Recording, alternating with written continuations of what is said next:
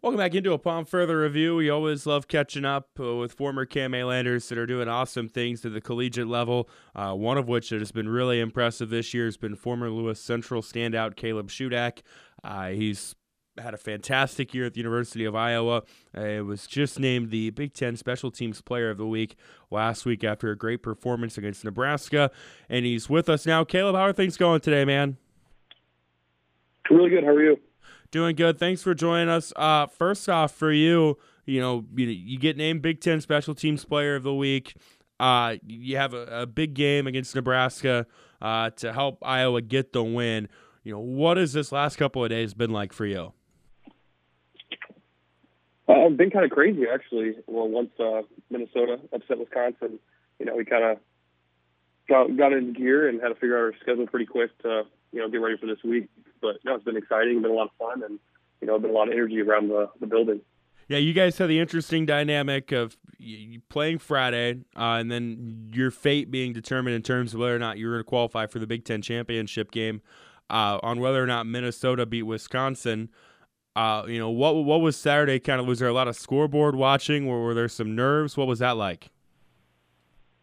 Yeah, there was a ton of scoreboard watching. A bunch of us got together and were watching the game and a lot of us were at the edge of our seat. I'd probably say more nervous than or watching those games than actually playing our games. But you know, because we obviously couldn't control what was going to happen. So yeah, all of us edge of our seats the whole day, and you know, ultimately, we're playing on Saturday, and to be more excited for it. Get to with Caleb Shudak, Lewis Central alum, uh, now kicking at the University of Iowa. Uh, you said this this week has been kind of crazy for you. Uh, what has this year been like? It's been a, fantastic for year for you, at least it looks like from the outside perspective. Uh, but for you internally, you know, what has it been like to navigate through it?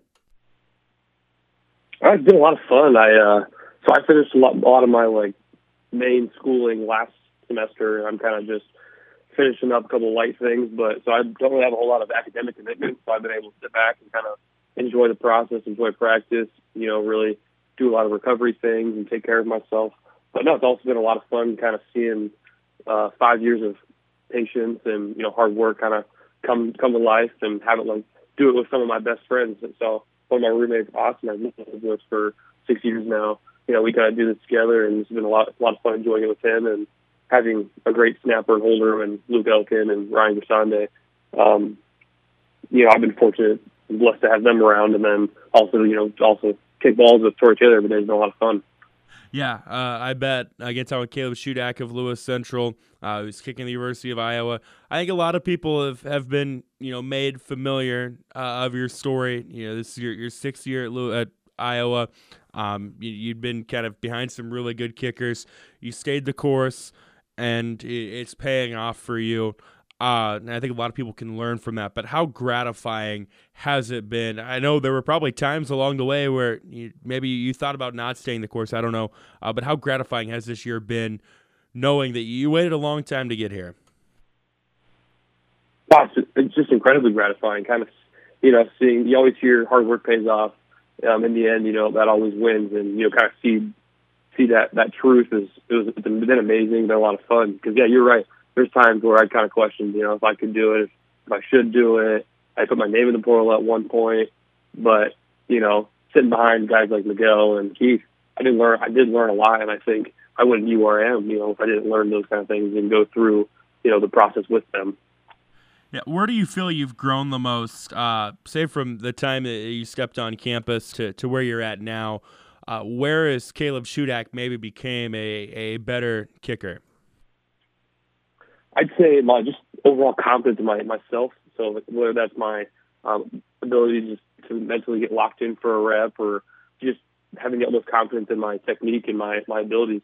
You know, I go out there. I know if I were to miss one, I know I'm not going to miss the next one. I'm have the most confidence in myself to say that and put in the work and you know just showed myself that I can do that. So yeah, I'd say just the confidence in my abilities, not questioning what I'm doing, has, has been huge. You know, I got here and 2016, and that was that was not true. I every day was kind of a, a hail mary. You know, I hope I hope and pray to God that I could make a kick. I didn't know where it was going to go, and I, I just didn't trust myself. I didn't trust my abilities, and you know, ultimately, five years of work and a lot of uh, a lot of coaching. You know, I've got to that point. I think that's been huge. Yeah, you've had a fantastic year um, all season, but uh, you know the Nebraska game uh, was phenomenal. Uh, you're able to knock down four field goals. Um, take us through what it meant for you.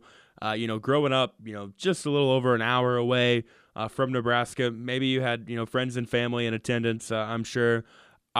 in that in that situation, I'm sure some you've been waiting a long time for. You know, what, what was that like?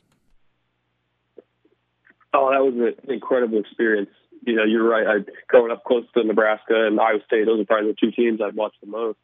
Um, you know, being able to do that against them, got a lot of family members that are Husker fans, so you know, kind of bittersweet uh, rubbing their face like that. But you know, I'm sure the offense wanted to score more, but you know, in the end, we got enough points on the board to win the game. So it was, it was just a lot of fun, you know, being a part of that and you know, being able to help the team win the special teams was phenomenal uh, on your end, and then I know you guys have a block punt as well that leads to a touchdown, and then Tory was able to to pin a couple down as well, one of which created a safety.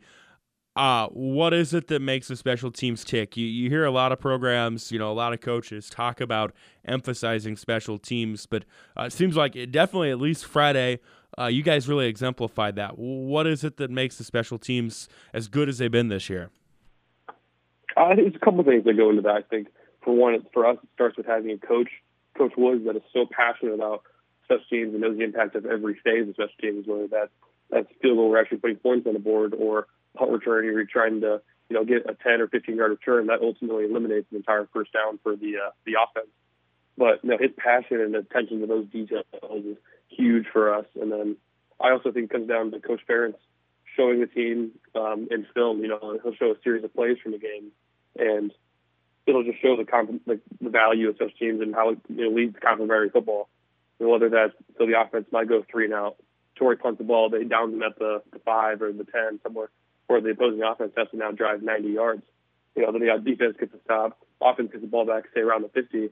Boom, you already got you got field position right there, and you know that ultimately leads to points. And you know he kind of ingrains that in everybody's everybody's head, so we all know just the value of field position points and you know the, what special teams can do for us.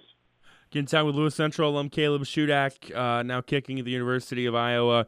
Uh, you guys now get ready for a Big Ten championship game against Michigan. Those are always exciting.